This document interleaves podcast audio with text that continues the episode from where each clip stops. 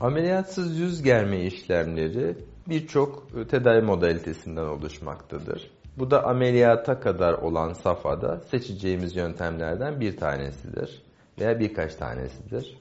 Bu enjeksiyon yöntemleri, cihazlara bağlı doku toparlama yöntemleri veya iplerle germe yöntemleri vardır.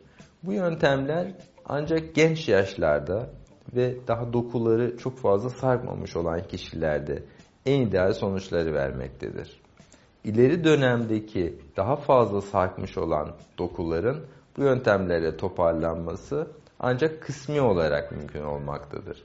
Burada biraz da hastanın beklentisi göz önünde tutulmalıdır. Eğer hastanın beklentisi çok üst düzeyde ise ileri derece sarkmalarda mutlaka ameliyat yapmamız gerekir. Ameliyatların da birçok cinsi vardır. Bu ameliyatlar daha hafif ameliyatlar olabilir ve çok ileri düzeyde daha gergin bir doku oluşturmak için daha fazla cerrahi gerektiren uygulamalar da olabilir.